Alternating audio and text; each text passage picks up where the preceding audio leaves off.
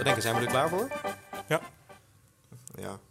Ik start de recording, want dan hebben we 42 minuten om uh, te, gaan, uh, te gaan praten. Nou, ik ben heel benieuwd. Ik weet niet precies wat ik wil gaan zeggen, dus uh, ik ben benieuwd.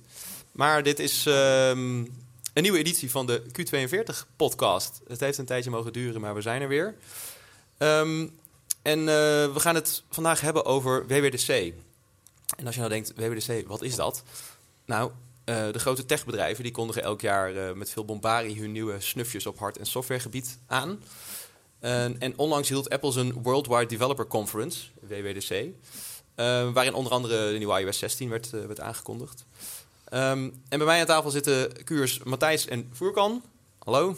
Hoi. en co-host Lotte, om samen het nieuws in het Apple-ecosysteem door te nemen. Um, Matthijs, wat, uh, wat, was het voor WWDC? Wat was het voor WWDC? Ja, het is al uh, sinds corona natuurlijk een uh, remote conferentie. Dus we kijken die video's allemaal als livestreams. Of ja, niet eens livestreams, het zijn pre-recorded video's nu. met enorm hoge productiekwaliteit. Maar het voelde voor mij als meer een, een WWDC waarin ze ja, langzaam weer dingetjes verder bouwen, dingetjes verbeteren. Ja. Maar niet echt revolutionaire uh, aankondiging hebben gedaan. Mensen had, hadden geruchten over een AR-headset, AR-bril. Dat hebben we allemaal niet gezien. Ja. En dat ja. is, uh, dat, Apple uh, doet dat vaker, hè? dat ze of een hele grote launch doen of een soort van doorontwikkelen, um, foutjes wegstrijken, zorgen dat alles weer, weer mooi en strak is en dan de volgende keer weer, weer vlammen. Ja. Cool. En wat was voor jou de, de tofste soort van takeaway? De tofste takeaway, ja, de widgets waren voor mij wel een uh, toppunt. Dat is iets voor, uh, voor de eindgebruiker heel fijn. Je kan nu widgets bijvoorbeeld op je lockscreen doen, allerlei informatie daarop zetten. En voor developers is het veel makkelijker geworden om die, die widgets te maken, eigenlijk met minder code, minder gedoe. Ja, daar gaan we het uh, zo nog even over hebben. Um, Furkan, voor jou, wat, wat vond je van WWDC dit jaar? Ik vond het tof. er zijn wat nieuwe dingen, maar zoals Matthijs al zei, ook heel veel verbeteringen op bestaande dingen. Um, kan heel veel opnoemen, maar als ik een keuze moet maken, ik vond de preview van uh, CarPlay 2.0 heel tof. Ja. Dus in plaats van uh, één scherm alleen je muziek bedienen, is straks je hele auto uh, met Apple software. Kan je je airco bedienen en van alles. Ja. Dat was tof om te zien. Daar hebben we niet heel veel van kunnen zien in preview, zoals ik zei. Um, en ik vond het tof dat appclips nu iets meer MB mogen hebben. Ja. En hopelijk biedt dat meer kansen voor uh, uh, bestaande apps of nieuwe apps die uh, tegen dat limiet van 10 MB aanliepen. Ja, want dat is nu de uitdaging, begrijp ik, dat, je, dat het niet lukt om, om binnen die, die grens van de 10 MB te blijven. Nee, precies. als, je, als, je al, als je een grote app hebt, frameworks, et cetera, dat, dat, vult al een heel groot deel van die ruimte. Dus dan blijft er weinig over. Hey, wat is een appclip? Een appclip is uh, een stukje app die je niet hoeft te downloaden. Um, en dan kan je een QR-code scannen of een uh, NFC-tag. En dan uh, ja, pop die open en dan kan je, alsof je een native app bedient. Het is een native app, dus je schrijft ook gewoon native code. Zonder te downloaden kan je dan een app bedienen. Als voorbeeld ge geven ze heel vaak dat je bij een cafeetje zit, een QR-code scant koffie kan bestellen in een native app. En dan uh, kan betalen met Apple Pay en je bestelling uh, gaat afhalen. Ja. ja, ik zat laatst in, in Lissabon ergens aan het water, ook met een QR-code voor mijn snuffert. En toen kreeg ik gewoon nog een ouderwetse webbrowser. En het, het is natuurlijk lekker als dat een, een mooie, soepele Apple-ervaring is. En inderdaad een Apple Pay-integratie heeft. Dus dat, ja. dat gaat hem worden. En uh, heb je al een oog op een nieuwe auto die, uh, waarin die CarPlay... Uh... Oeh, goede vraag. Ja, ik, uh, Apple werkt met heel veel autobedrijven samen. waarschijnlijk is het voor... Het is voor nieuwe auto's, dus die auto's moeten nog uitkomen. Um, ik denk dat ze eerst met een selecte groep beginnen ja. en daarna uitbreiden. Ik heb eerlijk gezegd niet heel veel meegekregen van welke automerken dat zijn. Maar ik ben benieuwd wanneer dat wanneer dat eraan komt. Ja, die CarPlay 2 is eigenlijk meer een preview. Uh, dus die neemt je hele dashboard dan over. En uh, ja, in, in toekomstige auto's wordt het dus ingebouwd. Ja. ja. ja. We hebben één groot scherm waar, waar alles op gebeurt op autogebied. Klopt. Te gek. Ehm, jij noemde widgets al eventjes, eh, Matthijs. Ja. Ehm, eh, ik stel voor dat we daar wat, eh, wat, eh, wat dieper in duiken. Ehm, ik, ik was me een beetje aan het inlezen op, eh, op dat vlak. Ehm, en de parallel met de Apple Watch wordt, wordt heel vaak gebruikt. Zijn jullie Apple Watch gebruikers? Ja, Ja. ik heb er ook een. Eh, en, en klopt het dat er overlap is tussen, tussen beide? Ja, de complications, zoals dat heet, op de Apple Watch. Dat zijn de kleine metertjes die eh, wat informatie geven. Die lijken er heel erg op. En die heb je nu eigenlijk ook op het eh lockscherm van je iPhone. Ja. Ja, en dat gebruikt dezelfde code, dus je hoeft het één keer te schrijven. En eh, kan het zowel op je lockscreen als je Apple Watch eh, eh, weergeven. Dat is tof. En ehm, wat zijn nou typisch van die complications die jullie gebruiken als Apple Watch gebruiker? Ik ben eh, weliswaar iOS-developer, maar ik heb geen Apple Watch. En, en wat is een complication? Ja, ik weet het niet hoor. Ja, dus op het, eh, eh, het scherm van je horloge, je Apple Watch. Ja. Dit is trouwens een woord wat al uit de traditionele horlogemakerij komt. Oh ja. Dat zijn dus bijvoorbeeld de kleine metertjes. Je had bijvoorbeeld een klein stopwatch-wijzertje nog op de grotere wijzerplaat van je, je mechanische horloge. Nou, dat noemen ze dan een complication. Dat heeft Apple meegenomen naar de digitale horloges. En dat is eigenlijk gewoon een heel klein, bijvoorbeeld een metertje of een stukje eh, interface die gewoon iets aangeeft. Je kijkt er even naar en dan eh, kijk je weer weg. En wat staat er dan op jou? eh, wat, welke complications heb jij op je... eh, Ja, dus iWatch. eentje die ik de hele tijd gebruik is de agenda. Dat, Ja. dat ik kan zien eh, wanneer mijn volgende meeting is en waar ik dan moet zijn daarvoor, of mijn volgende afspraak. En het weer gebruik ik de hele tijd. Dan eh, specifiek de temperatuur, hoe, eh, wat een minimum en maximum is vandaag. Dan kijk ik even of ik een jas moet aantrekken of een eh kort of een lange broek. En jij, Voerkan? Ik ben vrij minimalistisch. Ik heb, eh, ik heb het, het weer, minimale, maximale temperatuur en eh, de datum. Dus ik ben niet zo uitgebreid wat dat betreft. Ja. Maar heb je dan op je iPhone ook eh, minder widgets op je lockscreen staan? Nee, wat meer eigenlijk. Ah. Ehm, alleen ja, ik gebruik mijn horloge eigenlijk echt voor glanceable information. En eh, widgets zijn dat ook wel. Alleen dan heb je veel meer ruimte, dus kan je ook veel meer mee. En complications zijn echt, heb je echt een klein hokje en dan kan je een getal laten zien. Of eh, Ja. als je iets uitgebreider wilt, dan heb je wat meer ruimte, maar het blijft toch beperkt. Ja. Ehm, want je kan dus als, als app-developer nu al eh, complication... Kun je complications ook voor eh, Apple Watch custom maken? Ja, kon wel voor de watch. Ja. Maar eh, als ik jullie begrijp, zijn de complications die jullie gebruiken... Zijn, klinken als standaard complications. Het weer, eh, nou, agenda misschien is, is Google Calendar. Ja. Ehm, kennen jullie voorbeelden van, van dat soort eh, eh, complications... Die, die custom zijn, die heel erg specifiek voor een, een specifieke app zijn? Ik noem een, weet ik veel... Uber of zi- zijn dat dingen die veel gebruikt worden of houden mensen toch bij de standaard complications? Ik zie wel af en toe eh, voorbij komen, dus apps die bijvoorbeeld bijhouden hoeveel water je drinkt. Eh, en, ja, of je eh, al ik genoeg water hebt gedronken. ja, of je genoeg water hebt gedronken. Ja, En eh, die hebben dan bijvoorbeeld een custom complication die dat laat zien. Of je, eh, hoeveel je hebt gedronken en of je nog eh, meer moet drinken. Dus Ja. dat is eentje die in me opkomt. Misschien Matthijs. Ja, eigenlijk allerlei soorten tracker-apps met een getal wat relevant is voor jou in je dag. Ja. Ja. En deze, hè, want ik, ik, ik noemde het even in de context van, eh, van de Apple Watch. Ehm, ze, de Apple lijkt eigenlijk die, die soort van die complications en die widgets door te trekken naar, naar iOS. En dus ook het, eh, het, ehm, eh, het delen van die, eh, van die code tussen beide Mhm. eh, platformen te, eh, door te trekken. Ehm, zien jullie op dat vlak met deze soort van nieuwe mogelijkheid van oké, ik kan dit straks ook op, een, eh, eh, op mijn iPhone doen, meteen al kansen dat je denkt, oh, dat zou super vet zijn als deze app zich op deze manier eh, manifesteert op dat, op dat lockscreen. Nou, bij Q maken we de PostNL-app en een collega die had gelijk al een, een demo daarvan gemaakt. Van eh, je eerstvolgende pakketje, wanneer dat er is. Ja. Dat is bijvoorbeeld een leuke. Ja. En eigenlijk bij alles, bij elk project kun je denken van... hé, hey, zit hier eh, een soort van tijdsgebonden relevante informatie in... die ik kan tonen eigenlijk aan, aan iemand. En eigenlijk het als een soort haakje gebruiken om misschien ook de app in te, te komen. Als je ziet dat er iets voor je is. Voerkan, heb jij eh, killer use cases in je hoofd? Killer use cases. Ehm, niet over complications specifiek. eh, maar samen met die complications zijn ook live widgets aangekondigd op je lockscreen.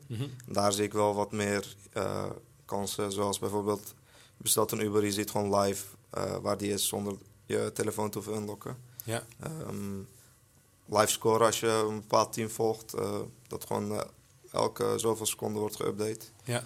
Ehm, dat is wat interactiever. Daar zie ik wel wat meer eh, use cases voorkomen. Complications zijn inderdaad meer eh, getallen die eh, relevant kunnen zijn op een bepaald moment. Ja, Ja, zoals momenteel- 42 altijd. Ja, Momenteel 42. krijg je dan een eh, vloedgolf aan notificaties van je pakketje is nu hier, je pakketje is nu hier. En dat kun je voortaan dan in één widget eh, doen, gewoon één vakje wat op je scherm staat. Maar dit zouden we dus ook bij eh, Hema en Pieter Pot kunnen inbouwen. Ja, voor een bestelstatus. Ja. Ja. En ehm, eh, nu zijn er eh, over afgelopen jaren op WWDC vaker dingen aangekondigd die, die we fancy kunnen maken. Ik denk aan, eh, aan notificaties, die kunnen, push notificaties, die kun je, eh, kun je heel rich maken, om het eh, maar in Apple-terminologie ehm, uit te drukken. Ehm, maar het lukt ons volgens mij niet altijd om dat soort van het belang daarvan bij onze klanten ehm, eh, duidelijk te maken. Levert dat gevaar hier weer? Dat, dat we allerlei mooie dingen kunnen, maar dat, het, dat, het, dat we het uiteindelijk nooit gaan bouwen? Ja, wat ik met notificaties zie, is dat is ook nog eh, afhankelijk van een backend die die notificatie verstuurt. En die moet dan de juiste geformateerde inhoud sturen. En soms gebruiken we een, een third-party tool, zoals een eh, Firebase of een Salesforce, die eigenlijk al die mogelijkheden van Apple niet eens benut en er ook misschien geen mogelijkheid toe heeft. Ja. Met eh, ja, widgets en complications hebben we in ieder geval volledige controle in de app zitten. Dus dan kunnen we in ieder geval niet een derde de schuld geven dat hij het niet gebouwd heeft. Ja, Maar dan heb je natuurlijk ook nog de vraag van hoe, hoe hoog komt dit op de backlog te staan Ja. of in de sprint. En, en hoeveel, hoeveel tijd kost het nou, weet je, als ik zeg ik wil morgen een, eh, of nou niet morgen, ik wil binnenkort een, een dingetje wat mij vertelt, eh, een widget of een complication die mij vertelt wanneer mijn Pieter Pot of mijn HEMA bestelling aankomt. Of hoeveel tompoes Mhm. Ja. ik al gegeten heb dat jaar. Hoeveel, eh, hoeveel tijd moeten we dan inschatten daarvoor? Ja, het hangt een beetje af van de, de app. Denk ik, zoals Furkan net zei, je hebt bestaande apps die al eh, jaren in ontwikkeling zijn. Waarbij het heel moeilijk is om dan een stukje van die code af te, eh, eraf te halen en dat in een widget te zetten zonder dat je alles meetrekt. Ja. Zeg maar. Dus in, in eh, de apps die we nu nieuw opbouwen, houden we daar wel rekening mee dat het makkelijker is om die functionaliteit dan te ontsluiten qua, qua architectuur in de code. En dan is het een relatief klein ticket. Ja. Dan ga ik het aan Jaap vragen, want die zit op HEMA. Hoeveel, hoeveel kost een widget? Ik hoop niet dat de klant meeluistert. Als ik me laat verleiden tot bedragen. Ehm, ja, Ja, maar qua tijd, waar moet je aan denken? ik heb het nog nooit gedaan.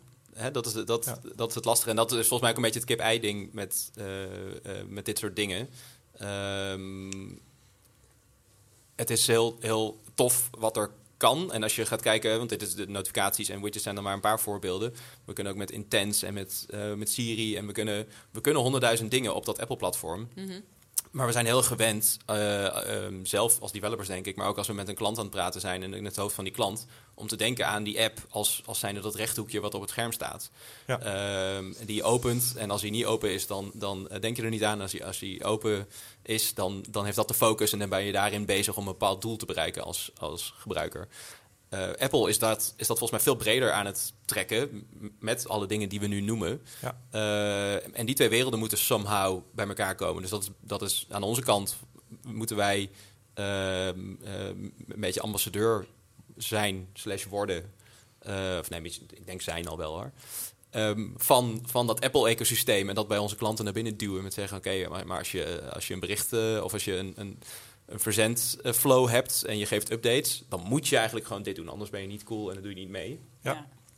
Ehm, dus de- ja, is het een technisch ding of is het meer een, een, een soort van productdefinitie ding waarin, waarin wij als eh, de productspecialist met zo'n klant zeggen: Oké, eh, eh, wij hebben hier verstand van over wat er qua techniek ehm, eh, allemaal kan en, en hoe, jou dat, hoe jou dat kan helpen als, als klant om een, een beter product te maken. Maar eh, ja, dat is niet eenvoudig. Nee.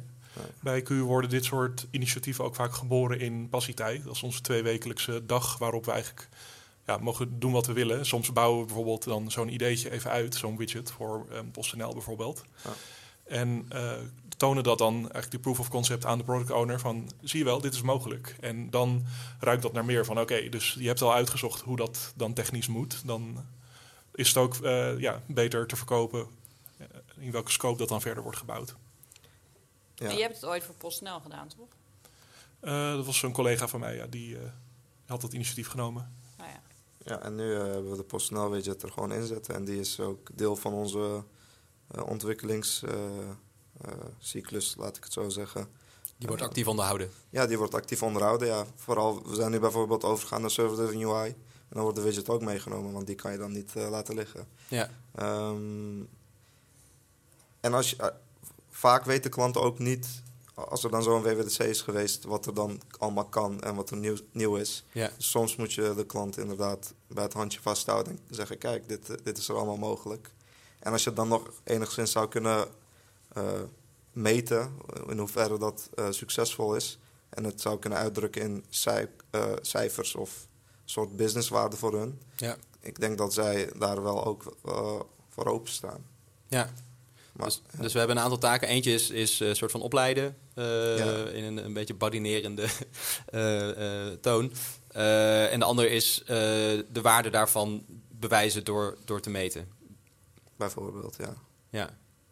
Oké, dus, de, dus de, de doelen zijn, eh, zijn duidelijk. Nou, gelukkig zijn we nu een podcast aan het maken waarin we dit benoemen. Dus als eh, Q-klant, als je luistert, je hebt geen excuus meer om eh, straks niet een, eh, een toffe widget te hebben. En dat meten, dat, dat doen we natuurlijk in heel veel ehm, eh, situaties ook al. Heb ik hiermee, Matthijs, want jij, jij noemde net widgets. Hebben we daarmee eigenlijk al het, toffe van widgets gecoverd? Zijn er dingen die, ik, die we gemist hebben? We waren dus begonnen met die lockscreen widgets, slash complications. En we hebben het nu eigenlijk ook over homescreen widgets. Maar het verschil hebben we nog niet echt uitgelegd. Want Ja. die, die homescreen widgets die zitten dus tussen de, de app-iconen op je scherm. Dus je kan ook je hele scherm ermee vullen. En die zijn eigenlijk wat uitgebreider. Die, die bieden gewoon een vierkant of een rechthoek waarin je ja, een eigen stukje interface kunt laten zien. Dus meer informatie. Ja. En eh, wat eh, Apple je ook standaard geeft, is een soort draaiende carousel met meerdere widgets. En dan presenteren ze eigenlijk de widget die op dat moment relevant wordt geacht. Daar, daar hebben ze wat on-device intelligence voor, noemen ze dat heel, eh, heel duur. die eigenlijk bepaalt van, eh, oké, eh, de widget van deze app die heeft nu iets om te tonen. En de gebruiker heeft vorige keer erop geklikt, dus dan toon ik hem weer, bijvoorbeeld. Ja. Daar, daar zit ook wel, denk ik, een krachtig iets. Veel, veel mensen die, doen, die gebruiken dat. En daarmee kun je dus dat haakje weer bieden om iets te doen in je app. Ja. Als je dus ja, weer content kunt aanbieden die op een bepaald moment relevant is. Ja. Dit brengt mij op een ehm, ding wat ik merk als, als iOS-gebruiker. ehm, dat, dat ik steeds meer mogelijkheden krijg. Hè. Dat is ook eh, waar we het net over hadden. Ehm, maar dat ik die wel ook moet kunnen vinden als gebruiker. En eh, als ik niet heb gezien dat ik ergens een widget kan plaatsen, dan ga ik misschien vrolijk verder met mijn leven.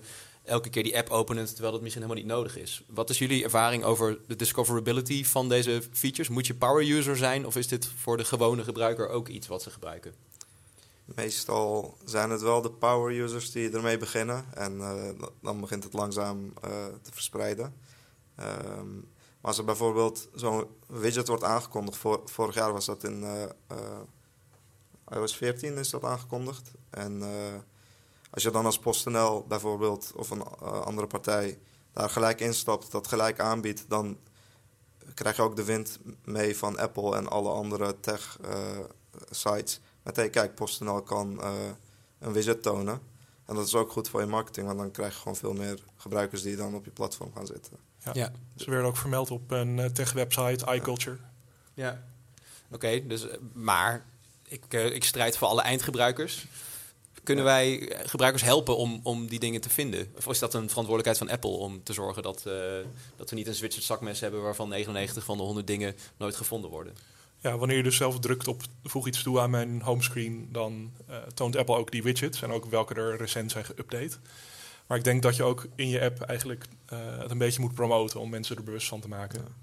Bij PostNL doen we dat bijvoorbeeld. We hebben een uh, promocard Ja. die de widget uitlicht en wat die allemaal doet. En dus Ja. dat is wel nice. Vet. Oké, dus dat, ehm, we, zijn niet klaar als we een, een, een widget target hebben toegevoegd aan ons Xcode project en op, eh, op release hebben geduwd. We moeten ook de, de gebruikers nog een beetje daarin eh, in meenemen. Ik vraag me ook af, hè, want ik bedoel, als, als eh, projectleider denk je toch veel mee met de product owner om te bepalen wat je wel en niet gaat bouwen. Ik, ik heb nu één widget. Dat is die van PostNL, omdat wij hem gemaakt hebben. Ja, En dat vond ik best wel handig op vakantie om dan te kijken of er post aan, aan kwam. Weet je, dan kreeg ik binnen. Maar eh, ik vraag me af, zijn er nou echt widgets waarvan je nu zegt... nou, dat vind ik, die heb ik nu op mijn telefoon zitten, is zo verdomde handig. Ja, eentje die ik dus wederom gebruik is agenda en eh, Ja. mijn takenlijst. Die Ja. komt dan tevoorschijn. En mijn takenlijst, ja, het, het voelt echt alsof die intelligence slim is. Want soms Mm. als ik iets moet doen, of een taak daar, waarvan de deadline nadert, of eh, waar een locatie aan zit en daar ben ik in de buurt, dan toont hij die gewoon. En dan word ik eraan herinnerd. Dus Ja. dat soort eh, dingen vind ik super handig. Maar dat zijn best wel enorme functionele apps, hè? Ja, Die agenda, dat, dit is gewoon zo'n typisch... Ik heb wel een leuk voorbeeld, Ja. denk ik. Ik heb destijds eh, ehm, met mijn eh, vriendin hebben we een app geïnstalleerd en die heeft een widget. Eh, en, dan kan je het, en dan kan je een foto maken. En dan komt die op haar widget tevoorschijn en andersom ook. Oh, echt? dus dan kan je, kan je een foto maken, versturen en dan eh, zie ik die op mijn widget, op mijn homescherm. Dus dat vond ik wel een eh, leuke use case en heel creatief bedacht. ja. Ja.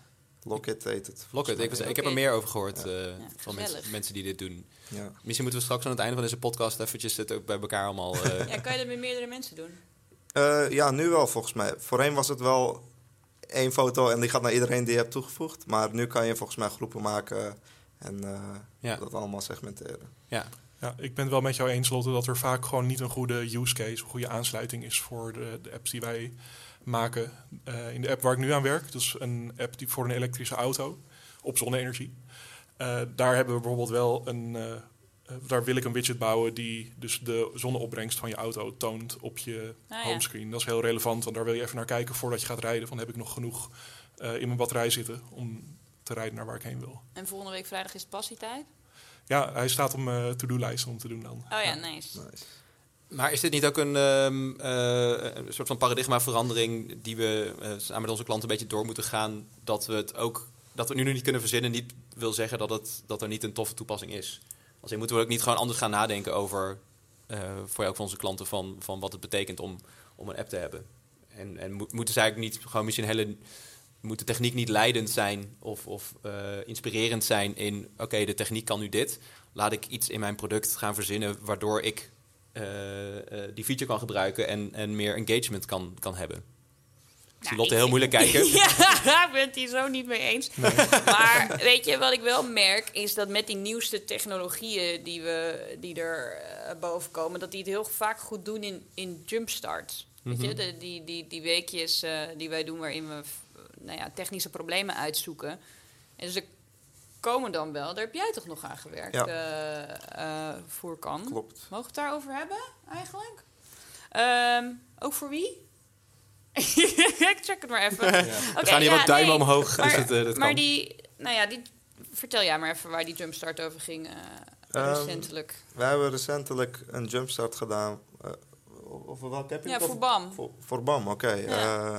We hebben daar een jumpstart gedaan samen met Matthijs. ehm, waarbij we ehm, met augmented reality 3D-modellen konden projecteren op de eh, werkelijkheid. Ja, Ehm, de- dus kort gezegd, BAM had een 3D-model, wilde checken of dat klopte met eh, de werkelijkheid. Dus bijvoorbeeld eh, leidingen die lopen of boorgaten in de muur in een, in een huis. eh, in een huis. Ja. En dat hebben we in een week eigenlijk bewezen dat het kan en heel nauwkeurig kan. Ja, ze zijn echt letterlijk de straat uitgerend, rondjes gedraaid, gesprongen.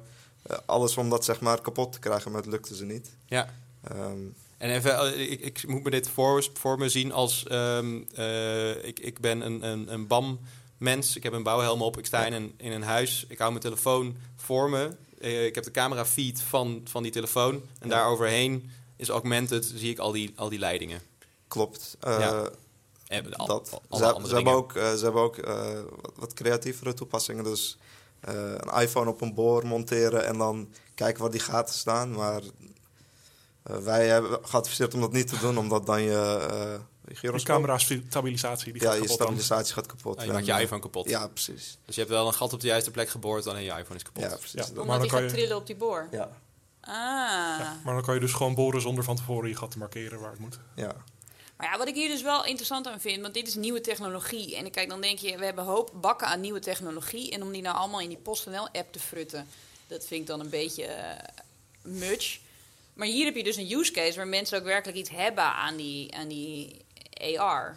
Klopt, ja. Je moet wel natuurlijk... We krijgen al die tools van Apple om leuke, toffe dingen te bouwen. Maar je moet er ook wel wat van eh, aan hebben. Als jij... eh, augmented reality is voor een bouwbedrijf wat relevanter dan voor een, een, een PostNL of een HEMA... eh, waar het meer een... misschien een gimmick is voor iets wat je kan projecteren op de werkelijkheid. Ja. Ja, die technologie en de use case moeten elkaar echt versterken. Eens. Als, de, de, als, ja, als het gewoon geen interessante use case is, bijvoorbeeld pakketjes tracken. Nou, het is wel interessant op bepaalde manieren, maar eh, daar hoef je inderdaad geen super augmented reality, 3D, alles in te bouwen. Ja. Nee, precies. Ja. Dit, is- dit is wel een mooi bruggetje naar een, eh, een ander onderwerp dat ik met jullie wilde bespreken. Ehm, want eh, voor zover er sprake was van een thema deze WWDC, eh, zou ik willen zeggen dat, dat machine learning, AI, dat was. Ehm, eh, wat ik zag is, eh, ik heb het opgeschreven als dat de iPhone steeds beter wordt in het herkennen van de wereld eh, eh, om zich heen. Eh, herkennen jullie dat? Ja, dat hebben we ook echt, eh, echt gemerkt tijdens die jumpstart ook. Ehm, hij houdt van alles bij. Met alle sensoren die hij in zich heeft. Ehm, dus je, je markeert ergens als nulpunt, projecteert het 3D-model daarop, loopt weg. En de iPhone houdt bij waar hij naartoe loopt, welke richting in, in zijn eigen 3D-wereld. En dat werkt ook als je verdiepingen, eh, twee verdiepingen naar boven gaat. Dan houdt hij met zwaartekracht bij eh, in hoeverre je naar boven bent gegaan. En stelt het model bij. Dus vooral de nieuwste iPhones eh, en met LiDAR doet hij ook heel veel, krijgt heel veel data via infrarood, hoe dicht bij objecten zijn. Ja. Ehm, we zijn echt een heel end met het begrijpen van de, de wereld in. eh, ja. in Eh. Even eh, LiDAR, dat is? LiDAR is een sensor die eh, heb je op de, vanaf de iPhone 12 Pro, eh, dacht ik, eh, eh, naast je camera. Mhm. Dat is een infraroodsensor en die gebruikt eh, een soort lichtstralen om eh, te te detecteren hoe ver iets is. Of, eh, Ja, dus eh, radar, maar dan Radar. radar met licht. Ja. En, eh, eh, daarmee kun je dus bekijken van oké, waar een soort van de wereld om je heen. eh, een Hij kan beetje de vorm herkennen. zien van de omgeving om zich heen. Ja. Van voorwerpen, de muren, noem het op. Ja. Face ID eh, werkt ook zo. Ja. Ehm, Ehm, en, en wat voor soort dingen zijn er dan eh, eh, dit jaar aangekondigd die daar, daar gebruik van maken? Ja, we zien eigenlijk dat Apple al jarenlang ieder jaar investeert in augmented reality eh, en ook in machine learning en in AI.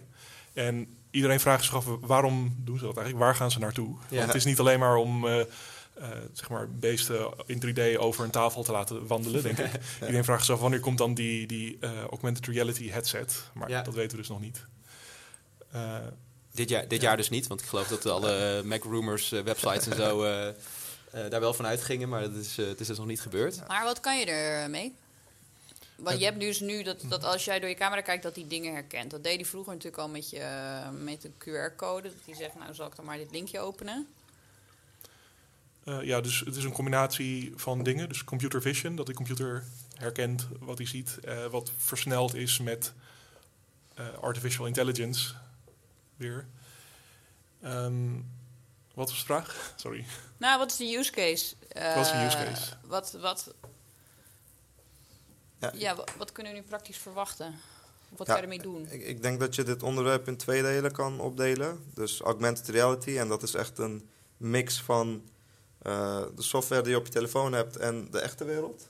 Dus Pokémon Go is daar een heel goed voorbeeld van. Dat je Pokémons in het echt eh, tussen struiken ziet komen terwijl ze er niet zijn. En dan heb je, Dat is goed om erbij te zeggen. ja, precies.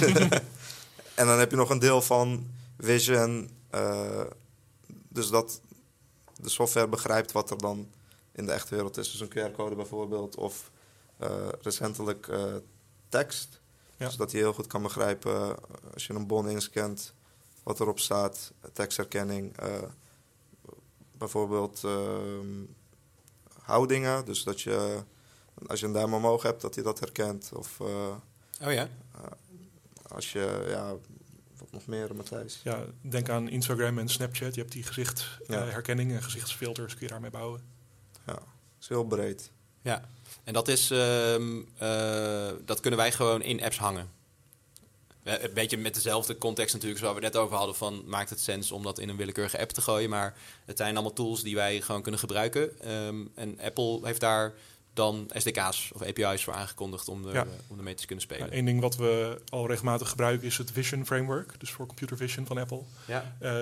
Eén ding wat hij heel goed kan is allerlei soorten barcodes en QR-codes scannen. Dus daar, dat gebruiken we veel in onze apps. Ja. Eh, maar die, die kan eigenlijk steeds meer. Dus voor eh, tekstherkenning waren er al eh, API's. En nu met live text, waarmee je dus in iedere foto op je iPhone tekst kan selecteren.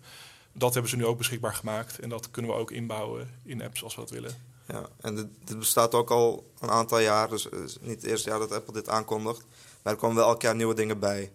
Dus misschien ook een leuk bruggetje naar eh nieuw SDK, waar ik laatst mee heb gespeeld. Ja? Roomplan. Mhm. Dus dat gebruikt ook eigenlijk al die technologie, dus eh, AR eh, en al, de- al die dingen. Dus ik heb laatst even mijn huis ingescand. Ja. Dus ik liep gewoon met eh, mijn telefoon, of nee, het was mijn, was mijn iPad, eh, liep ik door het huis heen. Met of zonder LiDAR? Met LiDAR. Met LiDAR. Eh, met LiDAR. Eh, en dan herkent hij muren, eh, ramen, deuren, maar ook meubels, je wc-pot, je oven, van alles. En dan maakt hij er gewoon echt een 3D-tekening van. En dan kan je, kan, je, kan je door verschillende kamers lopen. Weet hij waar je bent, weet hij waar een muur staat. Ja. En na een paar minuten heb je dan al gewoon een 3D-model van je huis. Ja. En dat zijn toffe toepassingen voor makelaars of eh, eh, Ja. bouwbedrijven die bijvoorbeeld een klant eh, het huis willen laten zien, maar in plaats van een tekening van boven met alleen maar lijnen, dat je dan nu gewoon 3D eh, dat kan bekijken. Ja. Ja, ik, ik heb dit wel eens ehm, eh, in, in voorgaande huizen met de hand gedaan. Op, op een van ja. studentenkamers liep ik met, al met een meetlintje liep ik, liep ik rond en een eh, notitieboekje om alles op te schrijven. En vervolgens in, volgens mij was het SketchUp, Ja, zo'n eh, zo'n 3D, eh, simpel 3D-toeltje om dat allemaal vervolgens uit te tekenen en dan eh, te bedenken, oké, waar ga ik mijn bed neerzetten, waar ga ik eh, dat kastje neerzetten. Eh, dus eh, dat, kan, eh, dat kan allemaal overboord en ik kan gewoon met mijn met mijn- met mijn Kan je iPhone of met allemaal- mijn iPad gaan doen. dat kan je allemaal weggooien, ja. Want eh, met Roomplan eh heb je zelf dimensies, dus dan weet je ook hoe lang eh, een muur is of eh, een Ja. deur. Ja. Dus dat is echt heel, heel uitgebreid met heel veel data die je kan gebruiken. Ja. Ik vind het ook wel een hele specifieke Ja, use case voor, voor. Vind niet of ja, ik weet niet of je dit wil zeggen. Dat ik heel maf vind dat Apple zoiets specifieks aan het bouwen is. Ja, want vorig jaar kwamen ze ook al uit met de, de Object Capture API. Daar hebben Voorkan en ik een hackathon-projectje mee gedaan. En daarmee kun je eigenlijk een willekeurig voorwerp eh, digitaliseren, dus inscannen als eh, volledig ingekleurd 3D-model. En daarbij dachten we ook eigenlijk van, wat, waarom doet Apple dit? Waarom brengen zij dit uit? Ja, klopt. En toen hadden jullie een museumobject genomen, toch? Tenminste, als idee. Je hebt een museumobject. eh, Ja, we hebben dit tijdens de hackathon van Q42 uitgewerkt met een klein fotostudiootje om eh, wat leuke beeldjes en eh, objecten in te scannen. Kijk, dit kan. En toen werden we uitgenodigd om naar het collectiecentrum Nederland te gaan, waar het Rijksmuseum onder meer als een kunst bewaart. En daar hebben we in hun super profi fotostudio wat eh, eh, kunst ingescand, wat beelden in brons en goud. En eh, dat was wel indrukwekkend hoe goed, hoe goed dat werkte eigenlijk al, zonder dat we echt veel code nodig hadden. Ja, en Ja. waar- waarom doet Apple dat? Ja, zij proberen echt heel erg AR en al dat te pushen, want waarschijnlijk komt er eh, over een aantal jaar iets eh, wat, wat zij dan weer eh, kunnen verkopen. Iets Ja. magisch. Dus dit is Ja. allemaal de groundwork voor, eh, voor, voor iets, iets, een, een grote release die we... Zo zie ik het wel. Ja, het kan naast niet anders dat het ergens naartoe gaat. Want het is heel tof dat je met je iPhone kan, maar het is toch een beetje onhandig dat je dan met je telefoon zit te lopen als je dat eh, met een device op je lichaam of op je, op je Ja. gezicht eh, kan. Ja, we hebben wat prototypes gedaan met AR-apps in een museum. Maar het is altijd een beetje treurig dat je dan door dat kleine schermpje van je telefoon kijkt... terwijl die kunst gewoon daar Ja. eh, in, vol, ja, in zijn grote voor je neus hangt. Ja. Dan wil je het met je eigen ogen zien. Maar ik, eh, ik vraag me ook wel af. Ik hoorde ooit dat die Roomba's, eh, dat die Roomba's eh, zelf niet zoveel geld opleveren, maar de data over hoe groot jouw huis is eh, eh, wel. Oké. Dan moeten we ons druk maken over de data gathering van eh, Apple. Dus die weet nu wel hoe groot je huis is en waar je over staat en waar je wc-pot eh voor Nou, kan. Apple weet dat niet zelf, dus zij bieden ons de tools aan om dat te meten. Maar wat jij dan met die data doet, eh, is aan jou. Ehm, maar wat betreft privacy is Apple sowieso heel strikt eh, daarin. als je iets met tracking wil doen, dan eh, moet je dat laten weten. En als ze erachter komen terwijl je het niet laat weten, dan eh, heb je een probleem. Ja, Apple is qua privacy wel het braafste jongetje in de klas Ja. van de techbedrijven ongeveer. En daar, dat, ja, dat, dat promoten ze heel erg. Ze roepen altijd, eh, bijvoorbeeld met speech recognition van Siri, dat dat nu ook on-device gebeurt. Dat je spraak dus niet eens naar hun cloud hoeft te gaan. Ja. Eh, en dat- in die- die zin vertrouw ik ze op zich wel. Is dat bij Roomplan nu trouwens ook? Is, gebeurt dat allemaal on-device? Ja, ja dat, eh, in tegenstelling tot de hackathon die Matthijs en ik deden, moesten we een app maken en een Mac die dat kon renderen. Want Ja. de iPhone kon dat niet. eh, Die was gewoon niet krachtig genoeg om... eh, ja, de- misschien wel, maar zij hebben dat gewoon niet zo, zo uitgedacht. Iets met GPU. ja. En, dus we moesten uiteindelijk foto's maken met onze iPhone, synken naar de Mac. Die rendert het, stuurt het terug naar de iPhone zodat je het kan zien. ja. En die, d- dat roomplan, dat is gewoon allemaal on-device. Eh, Ja. doet hij gewoon zelf. Ja, dus dat is. eh, kijk, we hebben natuurlijk van Apple de laatste tijd ook ehm, veel nieuwe chips gezien, de M1, ehm, eh, waar, die een stuk krachtiger is dan de voorgaande generaties. Ehm, dus op dat vlak kunnen we misschien meer van dit soort eh, dingen verwachten die voorheen gewoon nog niet konden, wat betreft eh, eh, raw computing power, die, die steeds meer binnen handbereik komen. Zeker. Ja, en die eh, AI Accelerator, Apple noemt dat de Neural Engine, die zit ingebouwd eigenlijk in al hun apparaten, nu ook in die M1 Max. Daar zit ook een- zo'n chip in. Ja. Of een, een deel van de chip. Ja. Wat zie doet Lotte dat- een beetje ja, wat doet dat ding dan? ja, wat Ja, is dus? AI Accelerator. Wat hij doet, die versnelt eh, de uitvoering van alles wat met AI te maken heeft eigenlijk. En er worden steeds meer features door Apple dus ook aangedreven door AI. Dus eh, bijvoorbeeld je, je hele camera-app op je iPhone eh, gebruikt dat heel erg om de foto's te, te bewerken. Eh, wat we zeiden net, live text en zo'n Roomplan API, alles gebruikt die, die Neural Engine om dingen te versnellen. En daar hebben ze een los chipje voor gemaakt. Was een stukje chipje ge- gereserveerd. Ja, een stukje in de chip, want het is allemaal één chip uiteindelijk die zo'n Mhm. apparaat aandrijft. Ja. Ja, en dan krijg je nog een toffe use case in iOS 16. eh, wat is aangekondigd is, als je een foto hebt van je hond, kan je die, er, dan kan je die ingedrukt houden, knipt die hele hond eruit. Kan je dat gewoon als, eh, als sticker eh, in je uh, bericht-app plakken. Oh, ja, Ja. terwijl je voorheen dat moest inladen en dat moest gaan knippen in Photoshop. En Ja. nu hou je het ingedrukt, knipt hij gewoon eh het Ja. hoofdobject eruit. In de camera-app gebruiken ze het ook om automatisch scherp te stellen op de gezichten in de foto. Want dan zie je meteen, oh, dat, dat, dat is een gezicht. Ja. Eh, ja, het is echt bizar wat daar mee kan. Het gaat nog veel verder dan wat ik nu zeg. Ja. Ja, precies. Ik denk dat eh, wij en de meeste mensen niet eens bewust zijn wat Apple al, al onder water Ja. doet terwijl je een foto neemt. Je denkt, ah, het is een camera, je klikt op een knop, heb heb je een foto. Maar zoals Matthijs zegt, gezichten, waarschijnlijk ook ehm, als, je, als je een portretfoto maakt, diepte, Mhm. dat, dat die de achtergrond blurt. eh, heel veel toepassingen die wij niet Ja. eens merken. Als je die foto vervolgens recht gaat zetten met eh, die correctietool, dan doet hij dat ook al automatisch voor je, omdat hij de horizon herkent. En dat soort toepassingjes van AI om je UX net een beetje beter te maken, daar ben ik ook heel erg fan van. Dat, die, dat je dus bijvoorbeeld al een standaard waarde kiest, die waarschijnlijk goed is met AI. Dat je alleen nog maar op bevestigen hoeft te drukken.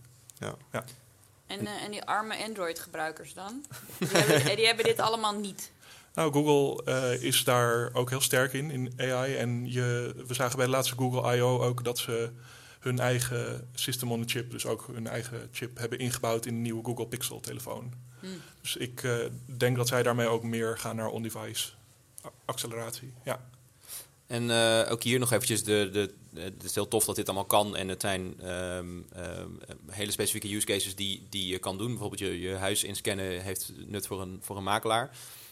Dus zien jullie ehm, al haakjes voor, voor, voor andere apps? Voor misschien apps die wij nu maken, waarin we zeggen... oké, iets wat voorheen niet kon... of waar we voorheen op een andere manier werkten...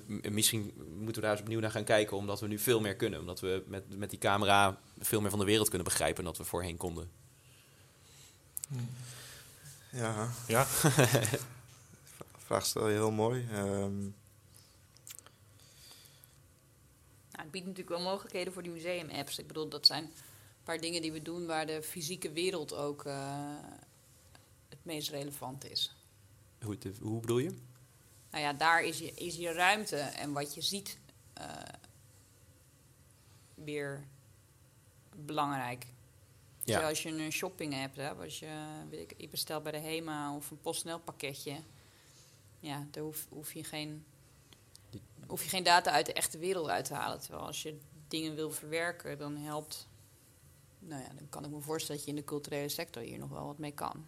Ja, Ja, er bestaan nu ook bijvoorbeeld winkel-apps dat je... In, in Amerika had ik een demo gezien, in een grote supermarkt staat. En hij weet dan precies je positie in de supermarkt. En je kan een product opzoeken en dan navigeert hij een soort van daar naartoe. Maar dan denk ik ook van ja, leuk, maar zitten we hier op te wachten? Of net als zo'n navigatie door een museum of zo. Dat is allemaal een opgelost probleem voor mijn gevoel. Ja, is dat zo? Want eh, ik, ik eh, weet van een project waar iets met Bluetooth beacons wordt gedaan, waar eh, nog veel mensen met hoofdpijn rondlopen over hoe eh, eh, Oh ja? niet betrouwbaar dat per se is. Ja, met die, eh, ja, die wereldherkenning zou je dus gewoon kunnen herkennen op basis van de omgeving. Van waar sta je in dit gebouw, zonder dat je nog beacons nodig hebt, denk ik. Ik weet niet of dat out of the box kan, maar dat lijkt me in de mogelijkheden. Maar je Ja. kan dus ook speurtochten mee maken. Zeker. Of niet? Ja. Apple heeft ook bijvoorbeeld eh, location anchors.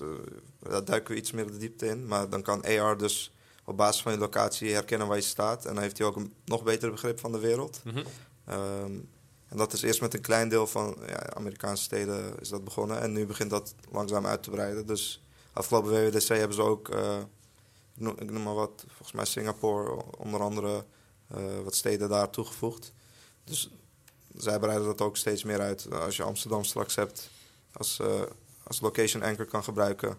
Je kan bijvoorbeeld, ehm, je loopt op een museumplein, eh, trekt een app tevoorschijn en ziet waar je andere vriend is. Ik noem maar een hele gekke toepassing. Eh, Ja.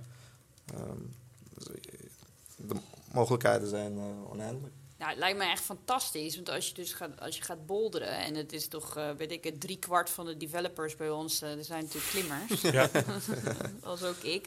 Als je naar Fontainebleau gaat, dan heb je zo'n eh, best wel een gaar boekje. Moet je dan erheen bladeren en dan moet je kijken, lijkt, deze, lijkt dit rotsblok een beetje op het rotsblok in mijn boekje. Hmm. En dan moet je daar op zoek naar een gekleurd stipje en dan moet je aan de juiste kant naar boven. Maar ja, als jij dus gewoon je omgeving kunt herkennen en al die ankers en dat hij weet dat je drie stappen naar rechts en vier naar links bent gegaan, dan kunnen we gewoon een virtuele bolder app maken. Ik kijk ook Matthijs Ja, in, extra indringend aan. Als medebolderaar, denk ik. Of, Ja, of je als kijkt hem gewoon indringend als aan. me- sowieso, maar ook als medebolderaar. Ja, dat klinkt goed. Dat, dat is iets wat je gewoon kan doen, nu rotsblokken inscannen. En dan kun je Ja. precies weer terughalen welk rotsblok dit was in een app. Aan de hand van de vorm. Sterker nog, eh, ik, ik zag laatst een voorbeeld dat, dat ze met Lego een hele bak Lego op de grond hebben gegooid.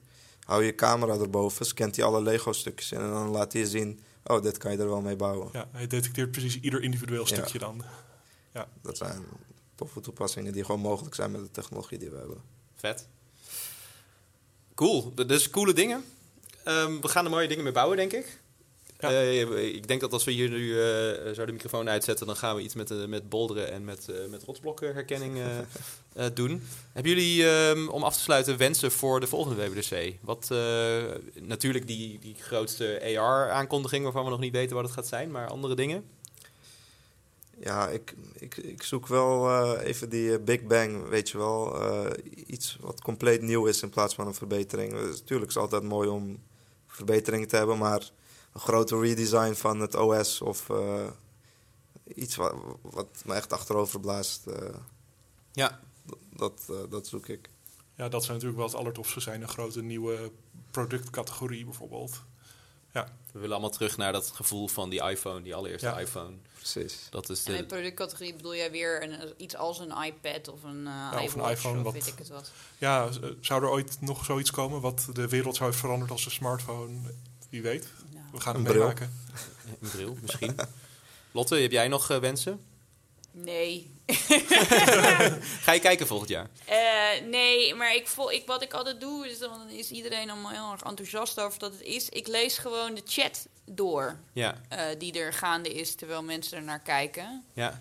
En die kijk ik dan achteraf en dan hoor ik af en toe, wow, vet zie ik dan. En dan ga ik even kijken wat het dan was misschien. Ja, oké. Nuchter. Ja. Ja, en, en ik, ben, eh, ik ben gewoon geen frontrunner. Geen power, ik ben geen power user. Je bent geen power user. Nee, dus bij mij krijg ik al deze dingen toch pas over drie telefoons. eh. ja, precies. Jij loopt nog een beetje achter in eh hardware generaties. ja. Dat geeft toch niks? Nee, dan is het goed uitontwikkeld. ja, Ja. dan werkt het tenminste. Hè? Ja. Echt. Nou, dan bedank ik de, de wel-power users hier aan tafel voor hun, ehm, hun mooie inzichten. Lotte, bedankt ook voor het, eh, het fijne hosten. Wat is het toch fijn om dat samen te doen. Eh, en bedankt aan jou als luisteraar eh, dat je ruim 42 minuten toch weer hebt willen luisteren naar onze mooie verhalen over WWDC.